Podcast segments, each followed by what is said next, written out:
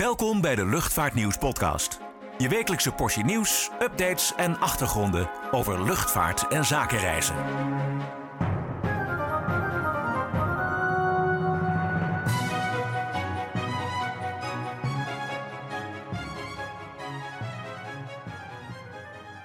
Hallo en welkom bij de Luchtvaartnieuws podcast. Mijn naam is Nick Vernooy en ik word vandaag weer vergezeld door Klaas-Jan van Voelkom. Deze week hebben we weer diverse onderwerpen te bespreken. De drukte en protesten op Schiphol, de subtiele truc van China Airlines, een vervolg op onze schimmige start-up van de week, het afscheid van Nederlands cabinepersoneel bij China Southern en de geleidelijke uitfasering van de Airbus A330 bij KLM. We beginnen even op Schiphol. De extremistische actiegroep Extinction Rebellion kondigde aan om vandaag te gaan demonstreren op Schiphol tegen de, en ik quote, uitzonderingspositie die de luchtvaart krijgt binnen het corona- en klimaatbeleid. Er werd zelfs gedreigd om de terminals te gaan blokkeren. Is het wat geworden? Nou, niet uh, bepaald. Er stond uiteindelijk een handjevol demonstranten met spandoeken buiten voor de deur bij Schiphol Plaza. En uh, daaromheen wat beveiliging. En nou goed, die hebben er even wat leuzen staan roepen. En uiteindelijk zijn er veertien mensen opgepakt trouwens, die zich hadden proberen vast te plakken aan uh, twee deuren. Ja, wat willen ze nou eigenlijk? Ja, het is een clubje dat eigenlijk overal tegen is. En wat luchtvaart betreft uh, meent Extinction Rebellion dat er met subsidies wordt gestrooid en dat vliegen de grote aanjager is van het klimaatprobleem. Uh, dus ja, dit is, uh, het is een apart clubje. Ja, hebben ze daarin een punt? Nou, wat luchtvaart betreft eigenlijk niet. Hè. Ten eerste wordt er helemaal niet gestrooid met subsidies. daarvoor moet je eigenlijk eerder bij de spoorsector zijn. Ehm, ja, er wordt weliswaar geen accijns geheven op vliegtuigbrandstof. Maar dat is al echt een decennia oude internationale afspraak. En die is ooit gemaakt om de wereldwijde mobiliteit te verbeteren. Dat kan worden veranderd, zo'n afspraak. Maar goed, dan wordt vliegen ook eigenlijk onbetaalbaar. En bovendien ja, is het dan ook de vraag of die accijnsen gebruikt worden om vliegen te verduurzamen. Want dat gebeurt op dit moment al niet eens met de vliegtax. Hè? De opbrengsten daarvan die verdwijnen gewoon in de staatskas. Ja, goed, en daarnaast is vliegen niet zo vervuilend als uh, linkse milieuclubs ons willen doen geloven. Uh, de bijdrage aan de wereldwijde uitstoot van de luchtvaart ligt tussen de 2 en 5 procent. Afhankelijk van welke berekeningen je maakt. Ja, dus de protesten vandaag hadden dus eigenlijk niet zoveel zin. Nee, niet bepaald. Nou goed, gelukkig hebben ze geen echte overlast veroorzaakt op de luchthaven. Aan de andere kant, ja, er wordt ook helemaal niet zoveel gevlogen nu de lockdown van kracht is. Ja, want hoe zit het daar nu mee? Je zou verwachten dat Schiphol zo'n beetje uitgestorven is, nu uh, zo'n beetje de hele wereld op oranje is gezet. Nee, druk is het inderdaad niet. Uh, je ziet dat KLM zoveel mogelijk bestemmingen in het netwerk probeert te houden om mensen die echt op pad moeten ook te kunnen vervoeren. Maar als je kijkt naar vakantievluchten, dan is het echt nihil.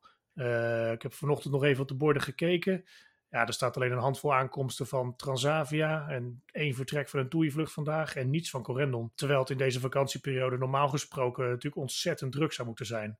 Dat is best wel een triest gezicht. Ja, en afgelopen week was het onverwacht dag nog druk op Schiphol met lange rijen en wachtende mensen. Het leidde tot een uitbrander van minister van Nieuwhuizen voor Schiphol zelfs niet echt goed voor het imago van de luchtvaart. Hè? Een sector die tak al onder vuur ligt. Nee, dat is niet uh, goed voor het imago van de sector inderdaad. Uh, maar je moet niet vergeten dat het uh, om een momentopname ging. Hè? Schipholbaas Dick Benschop die zei woensdag al in Nieuwsuur dat die wachtrijen konden gebeuren door een ongelukkige samenloop van omstandigheden. Er was een aantal vluchten dat onverwacht tegelijk arriveerden. Uh, er is een tekort aan personeel en er zijn verbouwingswerkzaamheden aan, uh, aan het transferfilter. Maar goed, dat wilde hij ook weer niet als excuus gebruiken. Dus uh, daarom heeft Schiphol samen met KLM en de Barin Nederland opgeroepen om alleen te vliegen als het strikt noodzakelijk is. Net zoals premier Rutte eigenlijk ook al deed. En als je dus gaat vliegen of reizen in het algemeen, ja, hou je aan de afstandsregels en andere gezondheidsmaatregelen. Ja, we blijven even op Schiphol, want daar is woensdag een proef van start gegaan met een COVID-vrije reiscorridor vanuit het Amerikaanse Atlanta. Wat houdt dat precies in? Ja, de komende drie weken gelden er uh, aangepaste quarantaineregels op een aantal vluchten van KLM en Delta Airlines, uh, specifiek tussen Atlanta en Schiphol. En dankzij een testregime hoeven reizigers dan bij aankomst in Nederland niet in quarantaine. En hoe gaat dat in zijn werk? Nou, deelnemers aan de proef die moeten zich vijf dagen voor aankomst op Nederlandse bodem in Amerika laten testen op COVID-19. En vanaf dat moment gaan ze in quarantaine. Een voor vertrek vanaf Atlanta wordt dan ook nog een sneltest afgenomen. En alleen bij negatieve testuitslagen mogen ze mee aan boord. En als passagiers uh, na aankomst op Schiphol opnieuw negatief testen, dan zijn ze vrijgesteld van verdere quarantaine. Ja, het is toch wel vrij uh, kleinschalig, deze testen. Ja, dat klopt. Van de 21 wekelijkse vluchten die op dit moment tussen Atlanta en Schiphol gaan, uh, vallen er vier onder de proef. Twee van KLM en twee van Delta. En over drie weken wordt de proef geëvalueerd. En bij succesvolle resultaten, dan wordt het mogelijk uitgebreid naar meer routes.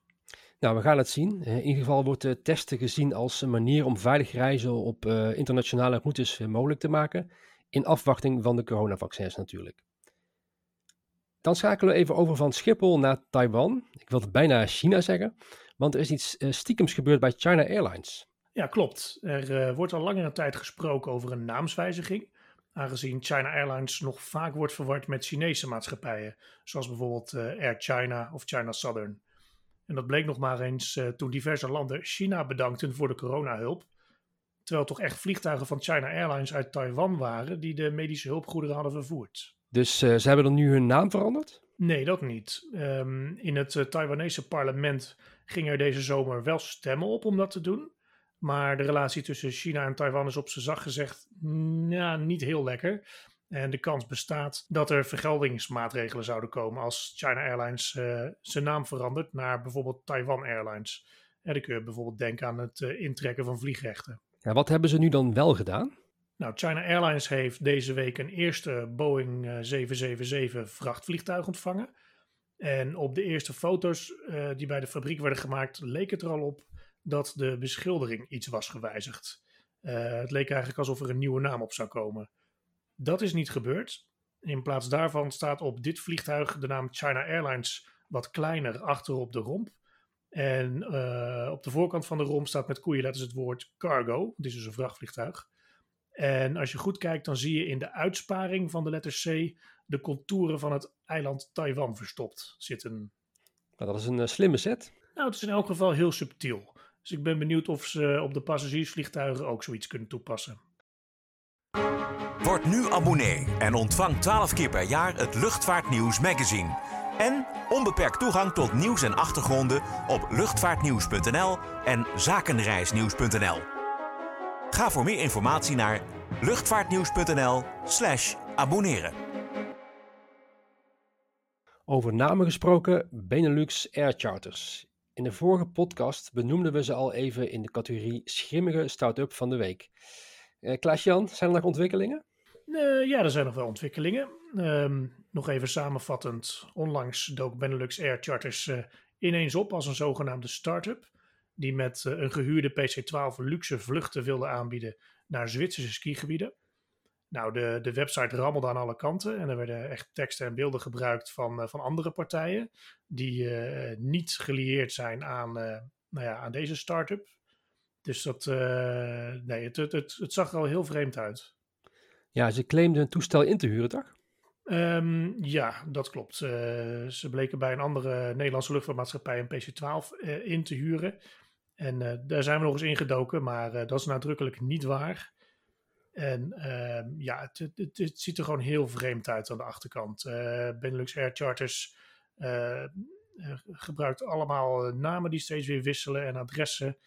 En het, maar goed, als je, als je er verder naar kijkt, blijkt het gevestigd te zijn op een adres in, in Rotterdam. En dat adres scoort vrij hoog uh, op allerlei fora over schimmige praktijken bij uh, diverse consumentenprogramma's. Ja, op zijn zacht gezegd niet echt betrouwbaar dus. Nee, helemaal niet. Het, uh, het lijkt echt een nepwebsite waarop geprobeerd wordt om mensen geld afhandig te maken. En inmiddels is die site trouwens ook sinds een paar dagen offline. Maar het Instagram-account bestaat nog wel. niet boeken dus. Dat zou ik niet doen, tenzij je echt heel graag van je geld af wilt. Ja, wie naar China wil vliegen met China Southern moet het aan boord voortaan doen met Engels of Mandarijns. Want bij de Chinese luchtmaatschappij vliegt er voorlopig geen Nederlands cabinepersoneel meer mee. Hoe zit dat precies? Nou ja, het is ten eerste natuurlijk sowieso de vraag of je nog naar China moet willen reizen, gezien de huidige ellende, maar dat terzijde. Um, sinds 2012 vlogen er op vluchten van Schiphol naar Beijing en Guangzhou, en ook naar Australië trouwens, Nederlandse cabinemanning mee bij China Southern. Speciaal dus voor de vele Nederlandse gasten. En dat is nu niet meer zo. Uh, waarom niet? Nou, China Southern heeft besloten om uh, alle buitenlandse crewbases te sluiten om kosten te besparen. En de Nederlanders die op Schiphol gestationeerd waren, die kregen de keuze naar China verhuizen of vertrekken. Hmm, lastige keuze. Nou ja, dat valt op zich wel mee als je ziet hoe laag het basissalaris zou zijn dat ze daar zouden gaan verdienen. Uh, tot nu toe is er geen enkel Nederlands crewlid op het aanbod van China Southern ingegaan. Ja, het is natuurlijk best wel jammer dat de Nederlandse crewleden geen afscheid hebben kunnen nemen van de, de vaste klanten aan boord. Want ze moesten ervoor zorgen dat de Nederlanders zich extra thuis voelden in uh, de vliegtuigen. Um, zouden ze ook nog terugkomen?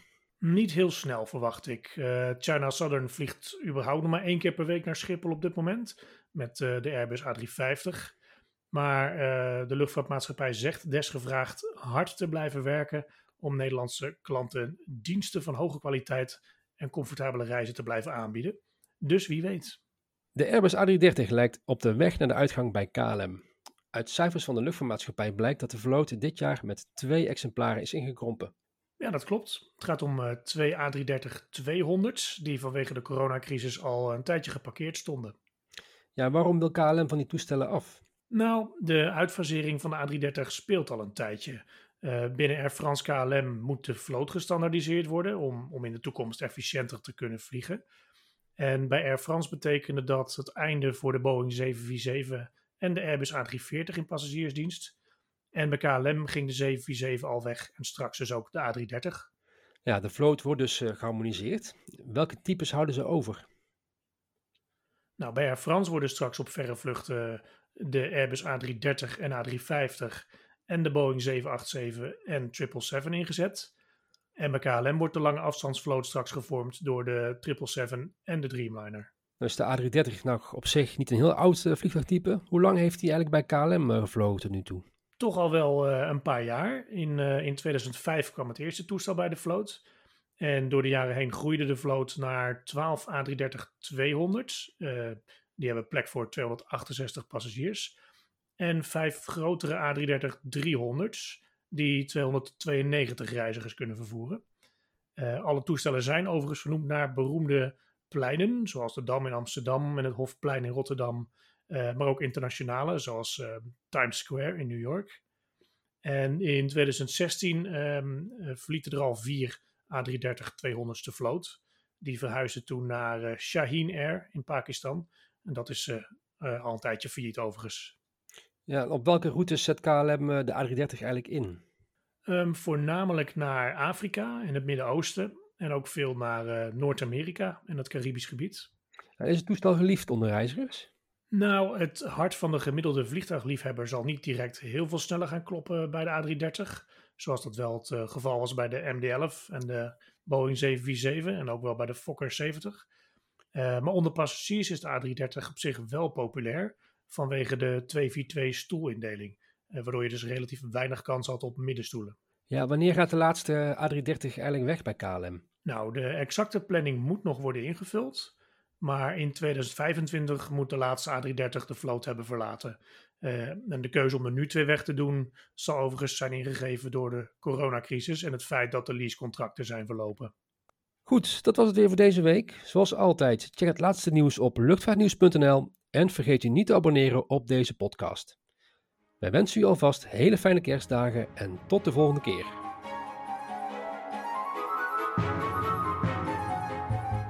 Bedankt voor het luisteren naar de Luchtvaartnieuws podcast.